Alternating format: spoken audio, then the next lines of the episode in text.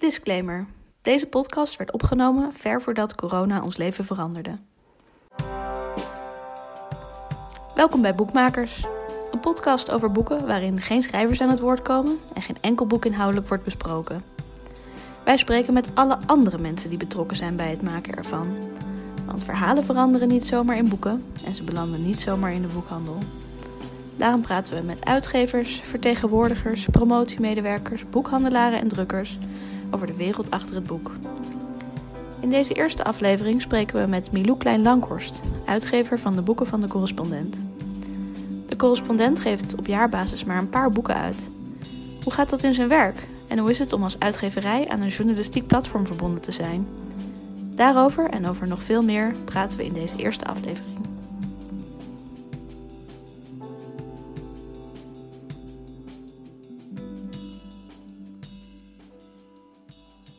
Nou, zullen we maar beginnen dan? Voor het echi. Ja, goed idee. Je luistert naar Boekmakers. Ik ben Shanna. En ik ben Sophie. En wij houden allebei erg van lezen. En ik heb ook uh, Nederlands gestudeerd. En ik heb literatuurwetenschap gestudeerd. En ook in ons dagelijks leven hebben we veel te maken met boeken en uitgeverijen. Ik heb bij een aantal uitgeverijen en een literair festival gewerkt. En jij hebt ook met je ja, werk er ik veel werk uh, bij de. Bali Cultuurcentrum op het Leidseplein in Amsterdam. En daar doen we ook heel veel met boeken. Uh, met schrijvers, met uitgevers, redacteuren. Ja, en we vonden het eigenlijk jammer dat als het over boeken gaat, bijna alleen maar de schrijver aan het woord komt. Terwijl er ook nog zoveel andere mensen in het boekenvak werken die interessante en bijzondere verhalen hebben. En in deze podcast laten we die mensen graag aan het woord. Ja, en we beginnen vandaag meteen met uh, een uitgever. Uh, Milou Klein-Lankhorst is hier. Uh, zij is uitgever van de boeken van het journalistieke platform De Correspondent. Er zijn de afgelopen jaren al heel wat boeken verschenen um, waar we het niet inhoudelijk over gaan hebben. Maar we gaan wel met jou praten, Milou. Leuk dat je er bent. Ja, dankjewel. Ja, uh, misschien goed om vooraf even te vermelden dat uh, wij, ik, Shanna dus, en Milou elkaar al uh, kennen. Want ik was ooit de stagiair hier bij de uitgeverij. Ja, inderdaad. En, uh, ja, om iedere schijn van corruptie te voorkomen is het wel belangrijk dat het even vermeld wordt. Ja, precies. Ja. Hallo, Shanna hier vanuit de toekomst. Uh, in deze podcast zeggen we dat ik de stagiair was bij de correspondent. Inmiddels is dat uh, achterhaalde informatie. En werk ik weer bij de correspondent als interim adjunct uitgever. Ik dacht voor de volledigheid toch wel goed om even te vermelden. Nu weer terug naar de podcast. En destijds uh, waren we, ja, deden we alles met z'n tweeën om het te organiseren. Maar tegenwoordig heb je ook een compagnon. Ja, klopt. We zijn nu van uh, één naar een tweekoppig team gegaan. Uh, en natuurlijk hebben we ook altijd nog uh, hulp van een stagiair erbij. Ja, en Andreas is dus... dat is Andreas, Andreas Jonkers, Jonkers, inderdaad. Ja. de adjunct-uitgever. Ja, dat klopt. We hebben twee rollen binnen onze uitgeverij. En het zijn allebei... hebben ze de titel uitgever. Uh, wat maar laat zien dat het een veelzijdige functie is. Een heel egalitair uh, systeem ook. Ook dat, ja, zeker. En um, hoe, uh, hoe is het ooit begonnen? Want de correspondent is nooit opgericht als nou, uitgeverij. Het was in, in den beginnen een journalistiek platform. Maar inmiddels zijn jullie met z'n tweeën al goed voor 18,9% van de, van de jaarlijkse omzet. Oh, wauw. Dus, je hebt de cijfers er mooi bijgezocht. Zeker weten. Uh, ja, nee, we zijn uh, in die zin heel erg gegroeid. Um, hoe het begon. Dat, het begon eigenlijk allemaal met Rutger Bregman zelf. Die, uh, hij had een serie geschreven um, over vooruitgang. Hij was ook correspondent vooruitgang. En ja, kreeg het ene stuk na het andere online. En dat werd super veel gelezen. En op een gegeven moment dacht hij, nou, hier wil ik wel heel graag een boek van maken. Um, hij had al uh, meerdere boeken geschreven. En die zijn uitgekomen bij uitgeverij De Bezige Bij. Maar toen hij ter sprake bracht dat hij ook nu weer uh, dacht over een boek... Uh, toen heeft mijn collega Ernst-Jan Fout hem gevraagd van... Goh, mogen wij dat niet doen? En werkte jij toen al bij de correspondent? Ja, in een andere rol. Nou ja, eigenlijk net zoveel functies als nu in één. Maar de titel was destijds redactieassistent. Ik was eigenlijk een van de eerste die ze aannamen toen de crowdfunding van de correspondent geslaagd was. En um, ik had op dat moment echt ook, ja, god, zoveel verschillende dingen om te doen. Maar ik had daarvoor al wat ervaring opgedaan in het uh, boekenvak. Dus toen het boektraject eigenlijk begon te lopen, want Rutger zei dus: Oké, laten we het doen, laten we proberen om, uh, om het zelf uit te geven. Toen ben ik me er zo ongelooflijk tegenaan gaan bemoeien dat op een gegeven moment Ernst Jan zei: Nou, doe jij het maar. nou, zo geschiedde eigenlijk. Niet lang daarna nam ik het stokje van hem over en gaandeweg heb ik steeds meer andere functies eigenlijk achter me gelaten en uh, ben ik me steeds meer gaan focussen op de boeken. Maar het was dus nooit de bedoeling dat je uitgever zou worden eigenlijk? Het was niet een vooropgezet plan. Ik heb wel geruchten gehoord, maar ik weet dus niet of dat nou waar is dat het in, eigenlijk al in het DNA van de correspondent uh, de gedachte was om eventueel ook boeken uit te geven. Maar dat zou ik eigenlijk nog eens moeten checken. of dat zo is. Um, nee, dus dat is wel. Um, nou goed, nee, dat is, dat, is, dat is wel gewoon zo gegroeid gaandeweg. Um, en ook omdat het dus goed, goed lukte. Het boek van Rutger uh, gaat geld voor iedereen. Dus dat, dat, dat, dat raakte een snaar. En dat ging, in, in, dat ging eigenlijk uh, nou, in vergelijking met zijn vorige boeken veel beter bij ons. En dat had natuurlijk alles te maken met het, met, ja, met het feit dat onze leden, de leden van de correspondent, zijn stukken. En hem dus daardoor ook al kenden en wisten waar hij over schreef. Dus dat hij al onder onze volgers wel een grote naamsbekendheid had. En ook trouwens daarbuiten. Ja, en hij heeft, heeft eerder een column in de Volkskrant gehad. Dus je zou denken dat hij daar misschien ook al een hoop uh, fans... Maar dan is het toch anders als het boek op hetzelfde... In, binnen dezelfde cirkel wordt uitgegeven. Als bijvoorbeeld... Um, ja, ik denk dat het, uh, dat het echt uh, de, de, ja, goed, het onderdeel is van onze succesformule. dat lezers al een band op kunnen bouwen, bouwen met, met een auteur, met een onderwerp. En ook al vroeg betrokken worden bij bij die journalistiek die uiteindelijk het boek zal worden. Ja, wat, wat, je, wat je veel ziet in kranten is dat er columnisten zijn die uh, uh, inderdaad uh, elke week een prachtige column schrijven en vervolgens een tijdje verlof nemen om er een boek van te maken. en dat verschijnt vervolgens bij een andere uitgeverij. Dat is wel enigszins zonde voor zo'n krant, omdat je en je talent tijdelijk kwijt bent en ook omdat je, nou ja, de uitgeverij er uiteindelijk met de financiële buiten van doorgaat. Ja, dus je profiteert eigenlijk niet van uh, de zaadjes die je geplant hebt. Ja. ja, en nu is er wel een groot verschil dat wij ook wel de tijd nemen. En ik denk dat dat ook heel erg belangrijk is voor hoe we werken, dat we de auteur ontzettend goed begeleiden. Uh, niet alleen in, het, nou, in, de, in de overgang van artikelen naar boek, want dat is best een grote stap om te zetten als schrijver, als journalist. Het is echt een verschil of je een stuk van 2000 woorden schrijft of een boek van 50.000 woorden. Dus het lijkt vaak op het oog en vooraf makkelijker dan het uiteindelijk voelt en blijkt. Maar ook eigenlijk in alles eromheen. Dus we investeren enorm in onze schrijvers om, uh, om, om ze te laten. ik wilde zeggen shine. Wat laten jullie ze allemaal doen? Ja, shinen. Ja, om ze, om ze, goed woord. Ja, nee, ik weet niet. Het is tot, niet een uh, woord wat ik normaal zou gebruiken, geloof ik.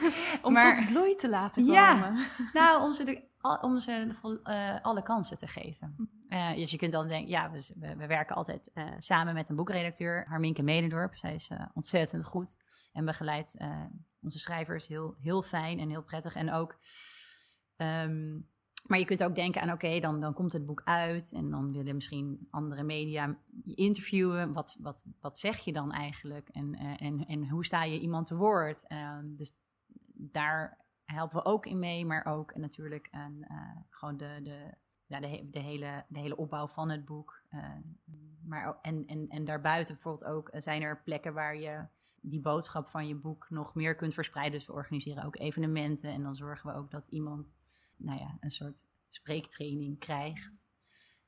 en dat met z'n tweeën? En dat met z'n tweeën. Nou, wij werken wel samen met, met een partnerorganisatie voor die evenementen bijvoorbeeld. Uh, maar ook inderdaad, nou, misschien wil je het audioboek zelf inspreken. Daar gaat onze voorkeur altijd naar uit, omdat we dan geloven dat, dat je dan al helemaal nou ja, dichtbij komt als schrijver, namelijk in het oor van je, van je lezer of luisteraar. -hmm. En um, dan, ja, dan zorgen we dat iemand uh, daar les in krijgt, bijvoorbeeld. Ja. Uh, en we zijn nu al helemaal bij het einde van als iemand het boek heeft gemaakt ja. en allemaal uh, het gaat promoten en gaat voorlezen. Maar hoe gaat dat dan in zijn werk in eerste instantie? Want je hebt natuurlijk een vaste pool schrijvers in zekere zin bij de correspondent. hoe wordt er overlegd wie dan een boek gaat schrijven en ehm, die, diegene kan dan een tijdje denk ik ook geen stukken meer op regelmatige basis publiceren. Hoe, hoe verhoudt dat zich tot elkaar?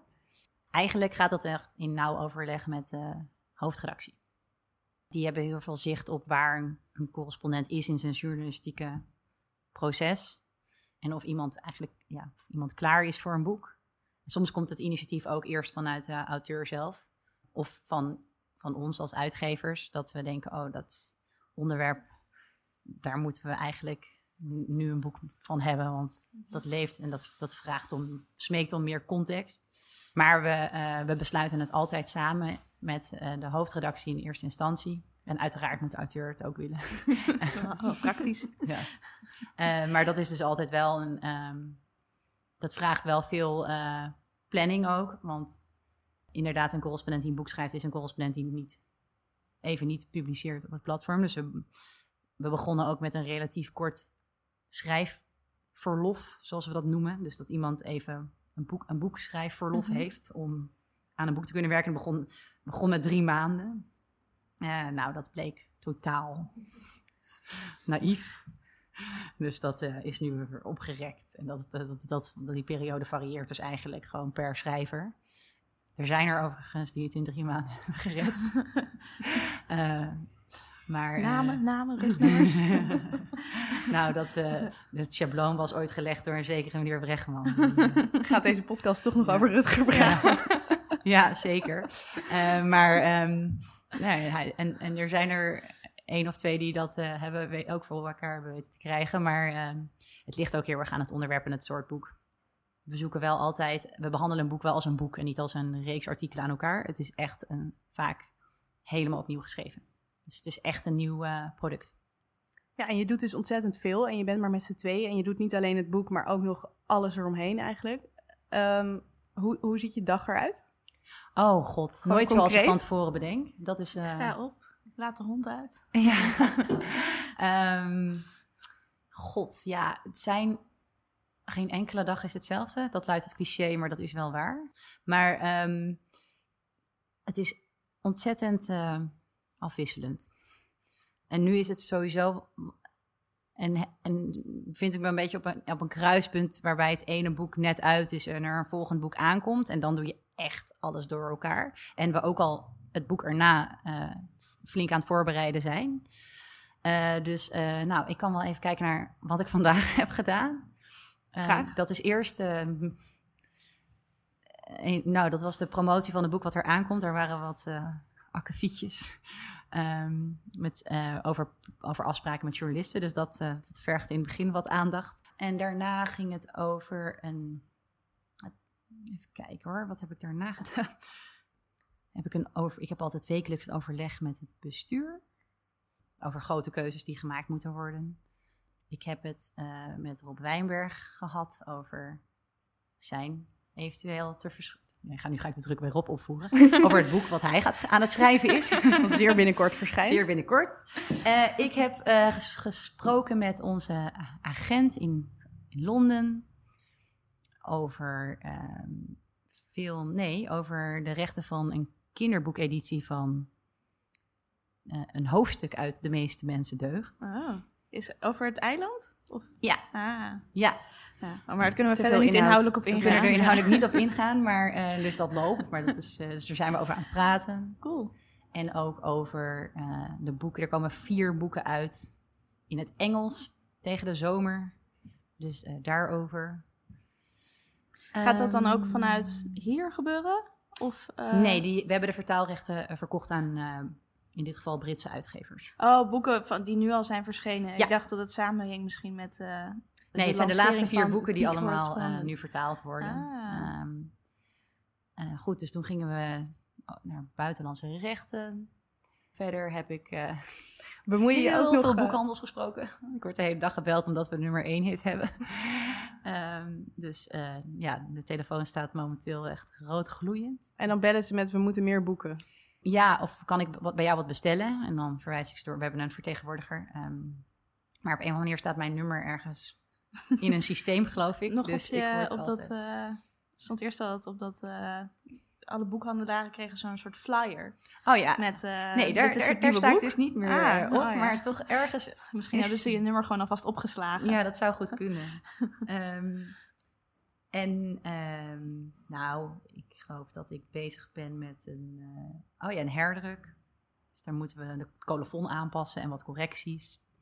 En doe je ook nog, uh, doe je ook nog echt inhoudelijk uh, re redactiewerk, redigeren? Is dat ook nog? Nou, het boek van Henk Blank hebben mijn collega Andreas en ik zelf geredigeerd. Um, dat was eigenlijk dat, was heel, dat vind ik heel erg leuk om te doen. Uh, maar normaal gesproken dan uh, vragen we dus aan onze boekenredacteur om dat te doen.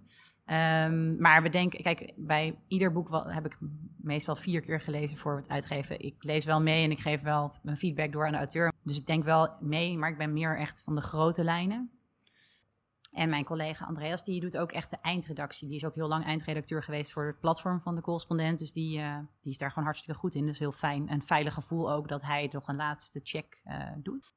Maar inhoudelijk, ja, nou ja, vooral de boekideeën. Dus de, de, de boeken die er um, die nog alleen een idee zijn, uh, daar zit altijd de meeste tijd en de meeste creativiteit ook in. Om, om, om, om in, in vele gesprekken met verschillende groepen mensen om, te, om dat boek uh, nou ja, tot het meest logische boek en het meest, het veel, ja, het meest belovende boek te krijgen.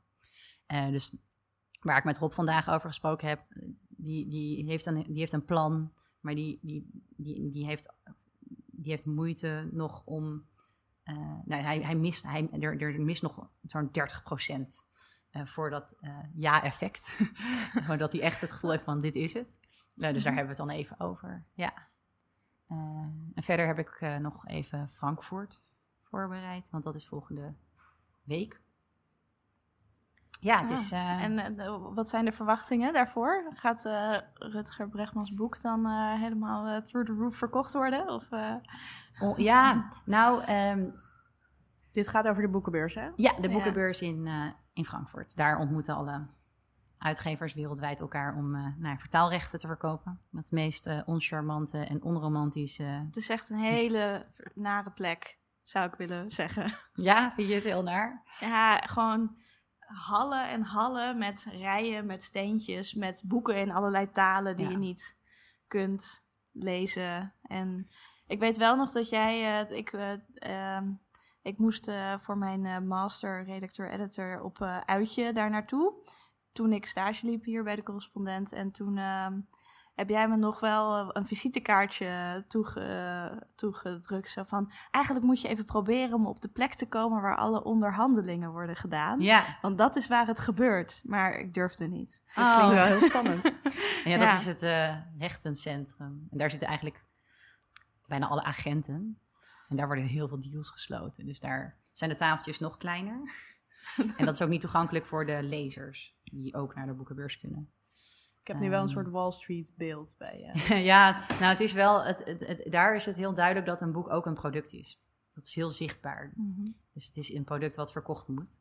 Uh, dus dan doe je het eigenlijk automatisch al een beetje van alle romantiek die, nou ja, de, de, laat maar zeggen, de rode wijn en het sigaretje uit het raam op een zolderkamertje, uh, terwijl je op een typemachine bezig bent, dat is daar echt ver te zoeken. Dat, uh, dat gevoel. Dus het, het, het is, het is echt het is echt een zakelijke kant van het boekenvak die je daar, die je daar ziet. Maar het is ook gezellig. Bedoel. Maar je hebt een agent en je gaat daar zelf ook heen. Wat is dan uh, jouw rol en wat is de rol? Is die agent daar dan ook? Of ja, is dat, die zijn uh... er ook. Ik vind het heel, uh, ik, ik, ja, ik vind het ook fijn om mensen zelf te ontmoeten en we kunnen dan samen meer mensen spreken. En een boek komt dan vaker langs. Oh, dus gewoon iedereen gaat all in. All in voor dat boek. Ja, ja en bij Rutger uh, is het ook zo dat um, zijn vorige boek is aan 32 landen verkocht, geloof ik. En die hebben allemaal een eerste optie. Dus daar is het iets minder op het tweede boek. Dus oh ja. daar is het iets minder spannend dan de eerste keer dat we uh, naar de beurs gingen. Ja. En, en, neem je dan één boek mee? Nee, nee, nee. Alle? Ja, en ook degene die nog komen. En, want uh, um, gratis geld voor iedereen is vertaald als Utopia for Realists. En dat heb, hebben jullie in eerste instantie zelf gedaan. wat is er de reden geweest om dan toch vervolgens voor een uh, agent te kiezen en het uh, via de uitgeverijen in de verschillende landen te verspreiden? Um, misschien goed om te vertellen dat met zelf gedaan bedoel je dat we het zelf naar het Engels hebben vertaald en toen hebben uitgegeven. uitgegeven ja. ja. Um, nou, op zich ging dat uh, best aardig. We waren niet uh, teleurgesteld. Ik bedoel, juist het feit dat het zo aardig ging, was een reden om te denken: oh, nou, als we het zelf al zoveel exemplaren kunnen verkopen, dan kan ah. een, dan wat, kan een uitgever ter plaatse dat nog, nog veel beter doen. Maar ik ging eigenlijk naar. Uh, ik dacht eigenlijk, ja goed, een boek wat al in het Engels was verschenen, gaat, gaat geen, geen, geen Engelse uitgever meer, meer willen. Uh, maar dat wil niet zeggen dat misschien Letland het niet wil. Dus ik dacht, nou, ik ga een poging wagen. En toen heb ik een, ehm, gewoon ontzettend veel mensen gemaild. Om mailadressen in eerste instantie. En vervolgens heb ik al die mailadressen gemaild met... We hebben een boek. En we hadden wel hele mooie blurbs van Britten en Amerikanen uh, die grote namen, dankzij uh, Rutger zelf, die, uh, die, heel goed is in zijn, die heel goed is in promotie. En, um, maar toen, toen hapte er, er, daartussen zat een, een, een, Britse agent. En die, die hapte op, op, dat, op, op mijn mail en die wilde dat stokje wel over. Die wilde het boek wel mm -hmm. representeren. En toen werd het dus de hit van Frankfurt. ja. En zo geschieden. En zo geschieden, ja. ja. Oké. En um, we hadden het eerder ook al even over dat alle schrijvers uit, nou ja, uh, de, de pool van journalisten die hier uh, schrijven komen. En ik zat er zo eens over na te denken. En toen dacht ik dat, dat, dat je daardoor eigenlijk ook heel veel debutanten hebt. Want uh, Sander Heijnen was debutant, Sanne Blauw ook volgens mij. En Lin Berger. En ik vroeg me af, is er een verschil in um, het werken met iemand die dus voor het eerst een boek uitgeeft, of vergeleken met iemand bijvoorbeeld als Arjen van Velen, die al, ik weet niet hoeveel boeken heeft uitgegeven. Ja, dat zou je vermoeden, maar dat uh, valt mee omdat ons proces zo afwijkt van dat van andere uitgevers, dat ze ja, vaak ook gewoon daar helemaal in meegaan. Het is wel, um, natuurlijk, je merkt het natuurlijk wel in schrijfervaring. Iemand die al een keer een boek heeft geschreven, die gaat zo'n proces, het, het schrijfproces, anders tegemoet. Waar we bij, uh, inderdaad, bij, bij debutanten vaak, uh, dat vraagt dat veel meer um, gesprek op voorhand, veel meer uh, sturing en, en richting. Maar dat is natuurlijk ook logisch als je die ervaring nog niet hebt. Dus ja, god, je, de, de, um, maar het voelt, het voelt dat is misschien ook. Kijk, dit is Rutgers boek. Heb ik, Rutgers is de enige van wie ik nu twee boeken heb, uh, heb uitgegeven. Eigenlijk drie, met Vuilnismannen SV er nog bij. Uh, maar alle andere zijn voor ons ook eerste keren geweest. En omdat we nog zo'n jong bedrijf zijn, ontwikkelt het zich ook nog heel erg. Dus wat we nu allemaal doen aan, uh, aan alles om zo'n boek heen. En om op zo'n zo'n groot mogelijk podium te krijgen, dat is um, niet vergelijkbaar bijna met, met, met wat we in het begin deden. Dus voor ons is het er ook nog, is het er ook nog elke keer als nieuw, omdat we, omdat we altijd wel weer iets nieuws erbij hebben of iets nieuws doen. Uh, maar het, het is in, het, ik vind het heel erg leuk om met uh, debutanten te werken. En je zei dat het proces heel anders is dan bij andere uitgevers. Wat is dan denk je het grootste verschil? Is dat dat ze al schrijven voor jullie of dat het allergrootste, ja, dat is een groot verschil. En ik denk daarnaast dat het allergrootste verschil is dat uh, je een van de vier per jaar bent. Dus uh, je hebt... Uh, alle aandacht. Alle aandacht. Drie ja. maanden lang heb je alle aandacht. En dan is dit zijn dan nog uh, relatief veel. Want eerst, het begon met twee boeken per jaar, geloof ik, toch? Zo'n beetje. Ja, of eerst nog één. um, ja, is, dit is, is, dit is, gaat deze lijn blijven stijgen? Of hou je het bij vier? Nee, ik hou het het liefst bij vier. Omdat ja. Om, om, het, om het waar te kunnen blijven maken. Mm -hmm. um, dus het is niet, het is niet, het moeten er niet per se vier zijn, er mogen er ook drie zijn en er mogen er heus ook een keer vijf zijn. Uh, maar wat heel belangrijk is, is dat, um, dat en, en daar ging net aan voorbij, maar um, je, je bent natuurlijk nooit een van de vier, je bent een van iedereen die ooit een boek heeft geschreven. Want onze boeken die blijven best wel lang relevant. Hè? Dat is het voordeel van journalistiek die voorbij de waan van de dag gaat, wat de correspondent uh, wil zijn. Um, dat betekent dus ook dat uh, boeken, eigenlijk bijna al onze boeken zijn een soort ever-setters. Dus het loont altijd om ze onder de aandacht te blijven brengen van de lezers. En er zijn ook bijvoorbeeld, een voorbeeld is, je hebt wel iets te verbergen, een boek over privacy. Ik zal niet inhoudelijker worden dan dit. Ehm, van Maurits Martijn. van Maurits Martijn en Dimitri Tokmetsis, inderdaad. Die, ehm, die wordt nog, die ook nog steeds heel erg goed. Dat, uh, dat komt omdat er elke keer weer een nieuw privacy-schandaal opduikt. En we weer kunnen benadrukken dat je wel iets te verbergen hebt. En dat is één voorbeeld, maar over ons, ons eerste boek loopt ook nog steeds uh, heel goed door. En daar, zorgen, daar, daar blijven we ook aan denken. Dus we proberen ook gewoon elke keer manieren te vinden om het opnieuw onder de aandacht te brengen. Ik denk dat dat een heel groot verschil is met andere uitgevers. En ook überhaupt met het ritme van het boekenvak. Want daar krijg je krijgt een boek één, nou ja, ik denk twee, drie maanden de kans. Ook vaak in boekhandels om, daar te, om, om zichzelf te bewijzen. En dan is het gewoon op naar de volgende. Er is natuurlijk enorme concurrentie. Er komen zo ongelooflijk veel boeken uit. Wat denk je dat de, de, het belang is van, soort van jouw band met de lezers? Want je schrijft een nou ja, semi-regelmatige nieuwsbrief. waarin je ook mensen meeneemt in wat jou bezighoudt als uitgever. En waardoor jij een persoon bent en waardoor de uitgeverij ook een, uh, ja, meer een gezicht heeft, inderdaad. Ja. Uh, dat is ook niet iets. Of tenminste, andere uitgeverijen hebben natuurlijk wel nieuwsbrieven, maar uh, meestal worden die ja, gemaakt door de promotiemedewerker of stagiair met dit zijn onze nieuwe boeken. Lekker lezen in de zomer, lekker lezen in de winter. Ja. Dat is een heel, heel ander karakter. Nou, ik denk eigenlijk dat die, dat die nieuwsbrief ook wel veel gelezen wordt door vakgenoten hoor. Mhm. En ook wel door, door lezers. En je vraag is waarom ik die schrijf? Ja, en wat we, ja, waarom, waarom, zou je dat doen? begonnen? Nou, ik vind het wel heel erg, uh, en het is heel erg des correspondents ook om het leerproces te delen. Nou, dat uh, hebben wij. Uh, het gebeurt elke keer van allemaal van alles. En, we, en wat ook wel, het is, het is natuurlijk wel um, ik vind, het, ik vind het ook wel heel leuk om te delen van waarom je bepaalde keuzes maakt. Waarom, waarom we kiezen voor een bepaald onderwerp, waarom we kiezen voor een bepaald omslag, waarom we kiezen om uh, een boek ook als audioboek uit te geven, waarom ik denk dat dat een goed idee is. Um, en niet, niet, niet, ik schrijf ook niet met het idee trouwens dat ik de waarheid in pacht heb, maar meer, ik zou het heel fijn vinden als andere uitgevers dat ook zouden doen, zodat je van elkaar kunt leren. Uh, en het is ook een manier om de lezer te betrekken eigenlijk wat jullie nu met deze podcast ook doen. Er zijn superveel mensen die van lezen houden en ook die de boeken, boekenwereld heel erg interessant vinden. Uh, dus het is volgens mij ook wel vaak een, uh, het is een onderwerp waar mensen ook wel graag van op de hoogte zijn. En, en denk je ook dat um, mensen misschien, of tenminste, ik heb het idee dat heel veel mensen als ze een boek in de boekhandel zien liggen, niet per se kijken wie de uitgever ervan is. Dat is alleen maar een klein clubje mensen die dat interesseert. Maar ik heb het idee dat als mensen zien, oh, het is een boek van de correspondent, dat ze dan misschien al meer interesse hebben. En ik zag ook dat tegenwoordig er een mogelijkheid is om uh, de hele collectie te kopen via de webshop. Dat gebeurde vandaag nog. wat leuk.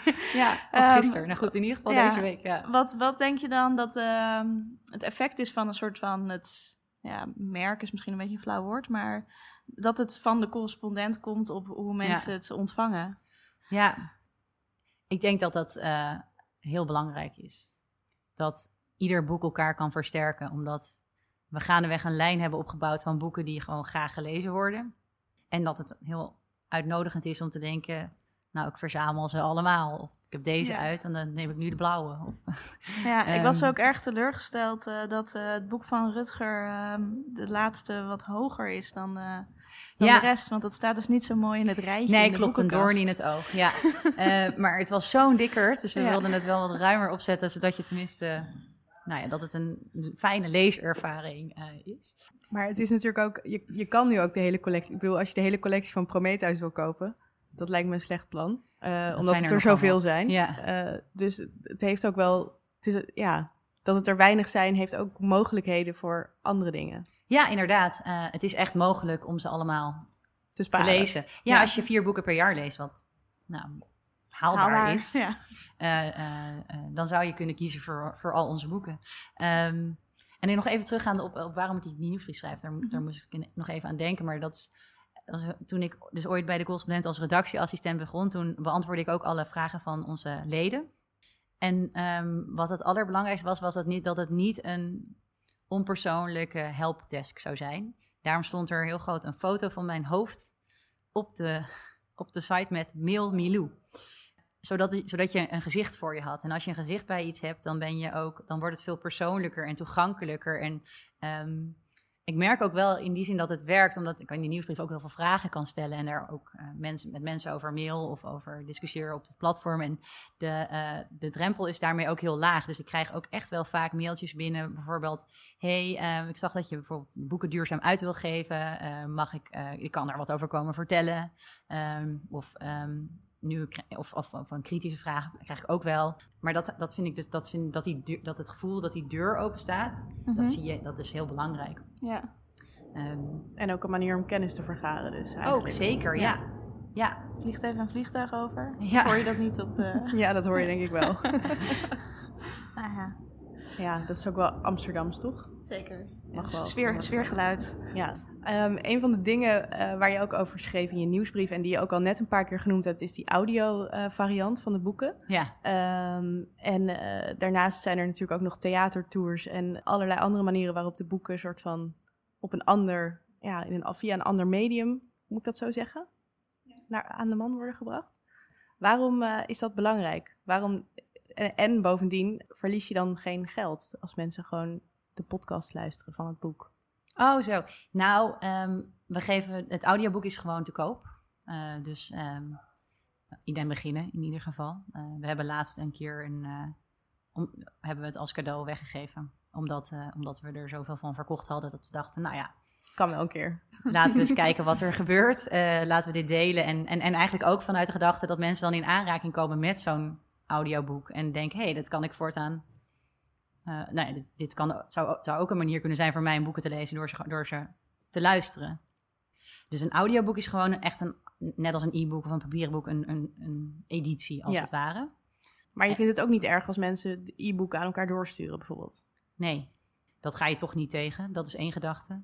Ehm, de, eh, die, ja, ik vind die beveiliging eh, is gewoon achterhaald en gedoe. En dat wil helemaal niemand. Eh, dus dan maak je je product onaantrekkelijk. Maar ook vanuit de gedachte dat als iemand het eh, een, go- een goed boek vindt en hij beveelt het aan. En je zoekt daarna een cadeautje voor iemand, dan koop je meestal dan een papieren boek. Ik heb altijd het gevoel dat het op een bepaalde manier wel, wel weer terugkomt. En ik vind ook, dat is eigenlijk het belangrijkste punt trouwens. Een papieren boek kun je ook uitlenen, waarom een e-book niet? En vanuit die redenatie hebben we dat ooit besloten. En ook hebben we het e-book eh, zo goedkoop gemaakt dat het bijna een symbolische prijs is. Nee, maar meer dan de helft van het, eh, dan het papieren boek. En, en, en dat is gewoon, dat is, dus, dat is, zo, dat is zo goedkoop dat, dat we ook Ja. zien dat mensen eerder geneigd zijn om het te kopen. Dat lijkt me eigenlijk wel een mooi bruggetje naar ons eerste rubriekje, uitgeven in het buitenland. Want eh, Patrick Bode was hoofd van de verkoopafdeling van Uitgeefhuis Nieuw Amsterdam en later accountmanager bij CB toen hij besloot op eh, wereldreis te gaan. En eh, de boeken was hij nog niet vergeten en daarom bezoekt hij nu uitgevers en boekhandelaren van over de hele wereld. Hij schrijft hiervoor verhalen voor de website inkt.nl, inkt met een C, niet met een K. En eh, ook vertelt hij ons eh, iedere aflevering een bijzonder verhaal van, uit boekmakers in het buitenland. En vandaag een verhaal over Iran. Laten we even gaan luisteren. Stel je voor, je staat voor je boekenkast, je kijkt naar de prachtige boeken die je in je leven hebt verzameld en je realiseert je dat de auteurs die die boeken hebben geschreven nooit een cent royalty hebben gezien. In Nederland kan je dat niet voorstellen. De kans dat je een illegale fysieke kopie in handen krijgt is minimaal. Maar in Iran is dat anders. Daar waar wij ons druk maken om de verspreiding van illegale digitale kopieën, is in Iran de productie en verkoop van fysieke illegale kopieën aan de orde van de dag. Dus waarom zou je je druk maken om de verspreiding van een paar illegale digitale kopieën als je overal om je heen fysieke illegale kopieën ziet?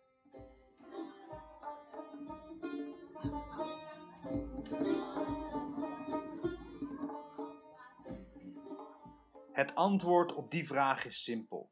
Auteurs hebben recht op eerlijke betaling voor fysiek en digitaal werk. En daarom richt de jonge ondernemer Majid Ghasemi in 2011 Fidibo op.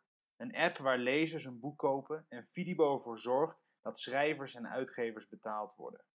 Majid heeft daarbij niet de illusie dat hij de stroom van illegale fysieke kopieën kan stoppen, maar hij wil een platform creëren waarop lezers de kans krijgen om eerlijk te betalen.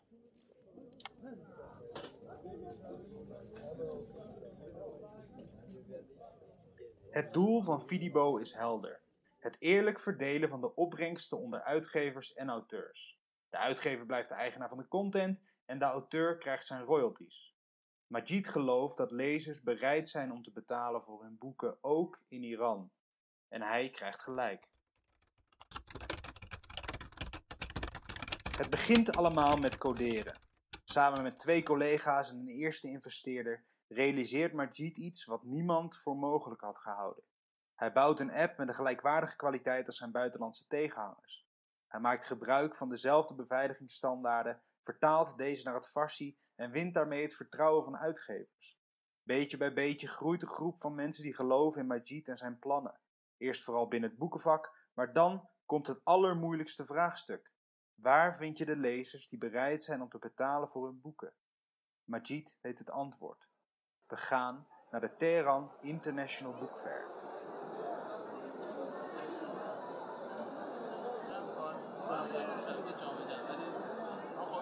Hij kiest voor een hele directe aanpak. Samen met zijn collega's spreekt hij lezers aan, deelt polsbandjes met de tekst No Illegal Downloading uit en vertelt over zijn ideeën. Ze merken dat er enthousiasme is.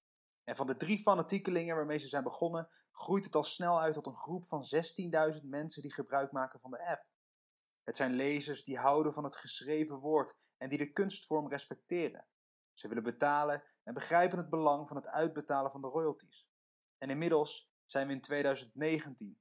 Er zijn anderhalf miljoen Fidibo-gebruikers. Majid's platform is uitgegroeid van een ideaal van één persoon naar een beweging van anderhalf miljoen mensen. En dit alles gebeurt in een land waar nog veel grotere problemen bestaan dan alleen illegale kopieën.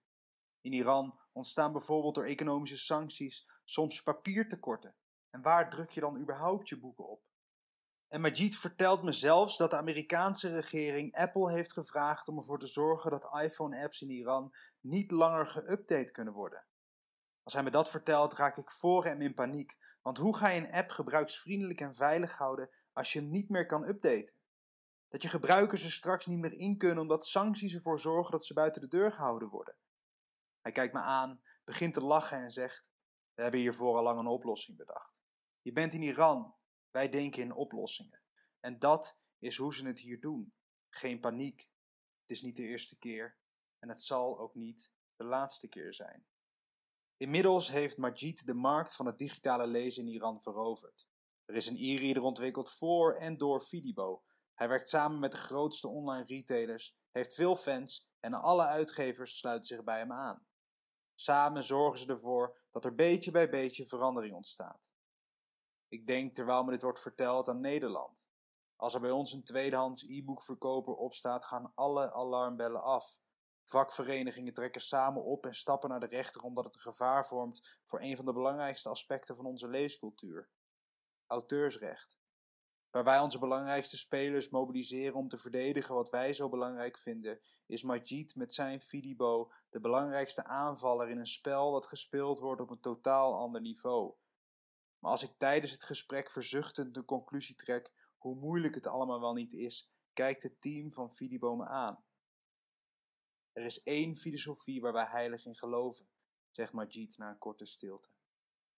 If you can't change the players, change the game. Ik had geen idee dat dat zo werkte in Iran, maar in Nederland kun je gewoon niet, niet eens voorstellen dat je een illegaal fysiek boek in handen krijgt. Tenminste, ik heb dat nog nooit gezien. Uh, het is wel best wel een groot contrast met wat je dan in Iran dat iemand denkt: oh wacht, ik heb alleen maar illegale fysieke boeken. Je moet dan meteen ook denken aan uh, die dvd'tjes die altijd uh, op kleedjes gebra gebrand en wel klaar, voor je klaar liggen. En cd's ook. Ja.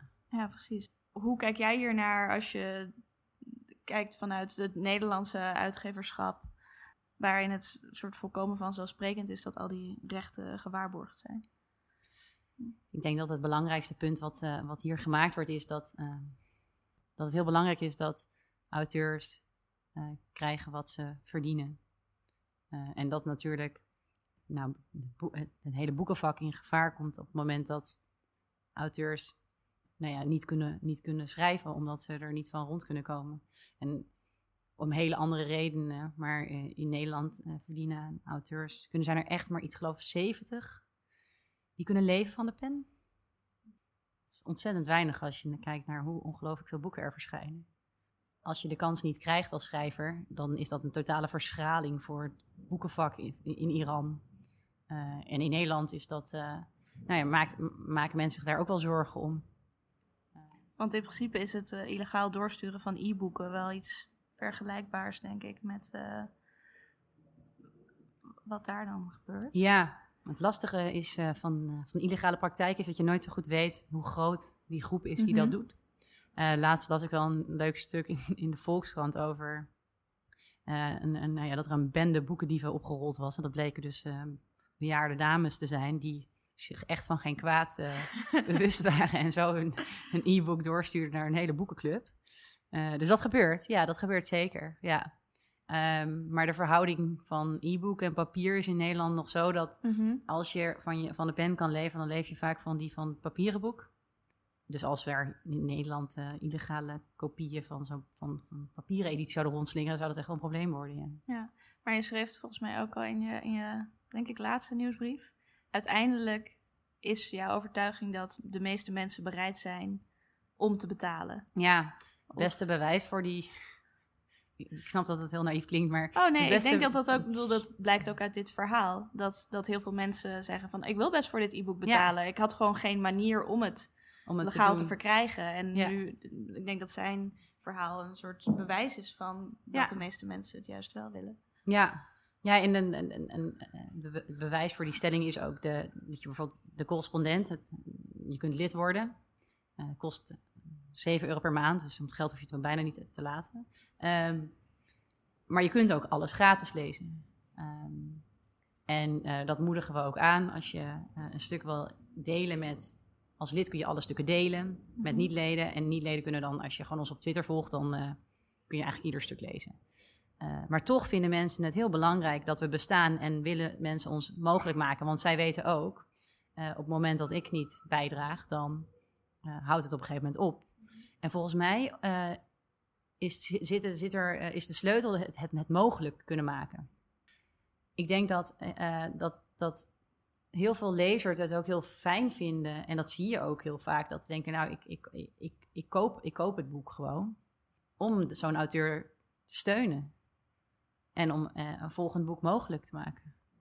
En denk je in die zin dat misschien de Nederlandse uitgever, maar misschien ook wel de krantenwereld, als we die er dan toch bij betrekken, misschien te protectionistisch werkt? Nou, ik, ik weet het niet. Omdat ik kan me voorstellen dat het voor een krant eh, anders werkt. Omdat eh, die bestaat niet op. Die bestaat ook op, eh, op abonnee-inkomsten, maar ook op advertenties. En dat hebben wij niet. Wij bestaan alleen maar door, door, het ja, door onze leden. Eh, dus bij ons is die noodzaak veel zichtbaarder. Ehm, ik kan me daardoor ook voorstellen dat, je, dat, we, dat bij ons iets meer, dat er iets meer goodwill is. Eh, omdat, we, omdat mensen weten, oké, dit gaat gewoon rechtstreeks naar de journalistiek. En dat geldt ook voor onze boeken. Die gaan, alles wat er aan verdiend wordt, dat gaat gewoon rechtstreeks terug de journalistiek in. En dat is een heel helder en transparant verdienmodel. En daardoor is het denk ik voor heel veel lezers ook voelbaar dat ze bijdragen. Ja, Ieder dus- gekocht ja. boek, maar maakt een volgend boek, mogelijk als het ware. Eh, En dan het doorgeven van een e-book of een boek is eigenlijk een soort promotie voor Van je- het boek. van het boek om Ja. iemand anders. Ja, sterker nog, we hebben in eh, onze laatste boeken ehm, roepen we ook op eh, dat ons of de boek ging over nou klimaatverandering. En dat hebben, toen hebben we ook ons best gedaan om het zo duurzaam mogelijk, duurzaam mogelijk uit te geven. En eh, het allerduurzaamste boek is een boek wat meerdere keren gelezen wordt. Eh, dus we roepen dan ook op, heb je het uit, geef het door. En maak het nog duurzamer. Ja. Ja, want je hebt er een hele, hele zoektocht naar gemaakt. Naar Ja. hoe je boeken duurzaam kunt uitgeven. Ja. Word je er eh, hoopvol of moedeloos van? Of eh, iets ertussenin? Oh god, ja. het was echt een soort Alice in Wonderland verhaal. Alleen viel ik niet zo in een, in een konijnenhol, maar eh, zakte ik echt in een moeras weg voor mijn gevoel. Oké, Ehm, dat klinkt eh ja, ik vond het echt... onheilspellend. Nou, in het begin denk je, nou, dat gaan we gewoon doen. Dit moet kunnen. Eh, we zijn ook bereid er hè, meer voor te betalen. want we willen uiteindelijk allemaal hetzelfde, namelijk dat de aarde leefbaar blijft. Mhm. Ehm, dus moedig begon ik daaraan. Uh, niet gehinderd door al te veel voorkennis ook, dat moet gezegd. En hoe meer je weet, dat is dat ook zo'n... Hoe meer je weet, hoe meer je weet wat je niet weet. Ja. En ook uh, hoeveel er nog niet bekend is of onderzocht, of goed genoeg onderzocht om een andere keuze te kunnen maken. Uh, dus uh, er zijn, nou, als, we zoomen, als we even inzoomen op bijvoorbeeld iets als papier, dan denk ik, ja, misschien moeten we dat niet meer van bomen doen, maar van steen. Er is nu steenpapier. Maar goed, dan blijkt dan weer uit, als je dan zoekt en, en doorzoekt en doorzoekt, dat er nog niet is aangetoond dat dat duurzamer is of zo. En zo kom je, denk je, hé, hey, we hebben een alternatief. En dan blijkt dat niet toereikend. Of, of blijkt dat, het, uh, dat er geen enkele drukker in de buurt is die uh, daarmee uit de voeten kan. Dus het is, een, uh, het is, een hele, het is de hele tijd afwegingen maken van, van echt praktisch, van is dit haalbaar? Is het beter voor, is het inderdaad beter? En past het bij, nou ja, de romandruk die we hebben. Het is natuurlijk een leesboek, dus moet, ja, leesbaarheid is wel heel belangrijk. En is het in onze, in, we hebben best wel uh, hoge oplages van onze boeken, is het mogelijk om het daarin te drukken? En nou goed, dus het was een heel proces waarbij we echt ontzettend veel zijpaden in zijn geslagen. En uiteindelijk weer, helaas moesten we omdraaien en weer terug. En uh, bleek ook um, uit metingen dus dat we het al aardig deden. Uh, maar dit is ook echt zo'n uh, project wat nooit af is. Ik heb er deze week nog een gesprek over gevoerd en uh, over bio-inkten bijvoorbeeld. En denk nou, dan kunnen we kijken of er al... We hebben bio-inkt, maar misschien is er wel een beter alternatief nu. En zo gaat die zoektocht door. En je werkt voor, de, voor het, voor het uh, uitgeven van de boeken of van het productieproces samen met Tim Beijer. En die Ja. werkt voor meerdere uitgeverijen. Klopt. Ziet hij ook dat andere mensen daarmee bezig zijn? Of eh, is het, ben je een soort eh, lone warrior? nou, dat is overdreven. Nou, ik hoopte wel heel erg dat het aanstekelijk zou werken. en ik had ook, eh, ja, ik, ik heb ook opgeroepen in de nieuwsbrief van jongens, eh, doe het ook. Of laat me weten, heb je tips? Maar echt, eh, nou ja. Ik heb wel laatst een mail geschreven van, van iemand die ook bij een uitgeverij was en die, die zich afvroeg ehm, welke keuzes er vooraf zijn gegaan aan het uitgeven van de meeste mensen deugen, omdat dat dikker is en het Mhm. ruimer opgezet. En dan denk ik, oh ja, goed, je bent er in ieder geval ook mee bezig. Waarbij het antwoord overigens is dat een boek wel echt leesbaar, goed, goed leesbaar moet zijn. Omdat het anders ook geen duurzaam boek is als niemand het... ja, als einde niemand het haalt. Ja. En ik heb het met Tim, die heeft eigenlijk met samen, die, we hebben die zoektocht samen doorgemaakt. Ehm, en ehm, nou, het goede nieuws was dat, dat er al veel, dat, er, dat iedereen er al wel mee bezig is. En dat iedereen dus, eh, eh, nou ja, het kwartje gevallen is van, nou, we moeten het anders doen. Maar uiteindelijk, eh, in, in veel gesprekken werd duidelijk, oké, maar dan moet het aan de vraagkant van de uitgevers, daar moet het zitten. Want als iedereen Ja. zegt, ja, ik alleen nog maar bio-inkt, anders dan eh, hoeft het niet meer. Dat zou enorm helpen. Dus ik zou het, Dus dit is een oproep. dit is opnieuw een oproep. mogelijk luisterende Bio mensen binnen het boekenvak. Ecolaminaat, eh, FSC. eh, het is allemaal niet voor niks. Elk, ja, alles helpt. En hoe, met hoe meer mensen, met hoe meer uitgevers hierom vragen, hoe Ja. meer de drukkers ge- ja, gedwongen worden om zich aan te passen. Hetzelfde geldt voor het CB. Die moet ook op een gegeven moment elektrisch gaan rijden. Ik denk dat het eh, misschien tijd is om eh, af te ronden. Heb jij ook. nog een vraag? Nee, ik wilde dat ook zeggen. Nou, Tegen jou. dan, eh, dan is Take het it away. tweede rubriekje aan de beurt. Wat, Iemand was heel benieuwd naar dat rubriekje. het is ook een heel spannend ja, rubriekje. ja, we zitten hier dus op de redactie van de correspondent. Ja, en ik heb zo nu en ruimte- dan wordt er een eh, deur open gedaan. Ja, ik heb een ruimte uitgezocht, bedenk me nu, met eh, niet alleen vier deuren die open kunnen, maar ook nog een schuifbui die af en toe toch gebruikt wordt. Authentiek Ja. noemen we dat. Dat is Ehm, authentiek. Ja, het is, eh, nou ja, het is wel een, de sfeer van de redactie is dat de deuren nooit dicht gaan, inderdaad. Dat is, blijven, ja. Ehm, maar eh, ja, we dachten dus eh, dat het leuk was inderdaad om nog een eh, tweede rubriekje te introduceren over het boekenbal. Ehm, Oh. Want ieder jaar organiseert het CPMB het boekenbal in de stad Schouwburg. Tenminste meestal. Het was laatst ook een keer in Paradiso. Toch? Dat was Toen een alternatief boekenbal. Dat was het schrijversbal. Nee, maar er was ook een keer waren ze vergeten de stad Schouwburg op tijd eh, te Oh, reserveren. Ik dacht dat het toen ook in Paradiso was. Oh, dit was trouwens helemaal niet waar ik het over heb, was helemaal niet in Paradiso. Misschien moeten we dit eruit knippen. Fake nieuws. We laten het erin. Ehm, maar eh, ja, iedereen wilde natuurlijk daarheen. Eh hordes mensen proberen binnen te komen zonder kaartje. Dat is ook een beetje de, de gimmick, dat je dat dan probeert. En ehm, als je dan wel bent uitgenodigd, dan heb ik vernomen, draait het vooral uit op een avond met uh, dronkenschap en teleurstellingen. Maar het is mijn grote wens om daar ooit heen te gaan. en ik ben tot op heden nog nooit uitgenodigd. Uh, dus daarom uh, troost ik mij nu met de verhalen van anderen. En vragen wij dus iedere week: Ben je wel eens op het boekenbal geweest? Of niet iedere week? We gaan twee wekelijks verschijnen. Daarom vragen wij iedere aflevering: Ben je wel eens op het boekenbal geweest? En wat is jouw favoriete boekenbalherinnering? Oh, ja, wat klassiek. het is natuurlijk echt zo'n uh, ons kent ons feestje. Ja, maar ja, nu, nu ik, ben ik, ik niet een dus van die bij. ons kent onsers hoor. Um, um, ja, wat happens uh, steeds. Dat is ook een beetje de gevleugelde uitspraak daar, hè? Maar kan ja, jullie wel vertellen, ik ben er nergens op uit deze rubriek. Maar... ja, nee, ik ben er wel geweest, uh, een paar keer. Um, maar misschien wel de meest, uh, de, meest guitige herinnering was dat ik met uh, dat ik toen ik nog, ik geloof Nederlands studeerde en twintig was en dacht, nou, we moeten toch binnen kunnen komen. dus dat ik met een vriendin in het café om de hoek, nou ja, ben begonnen met indrinken en dat we allebei een hele mooie jurk aan hadden getrokken.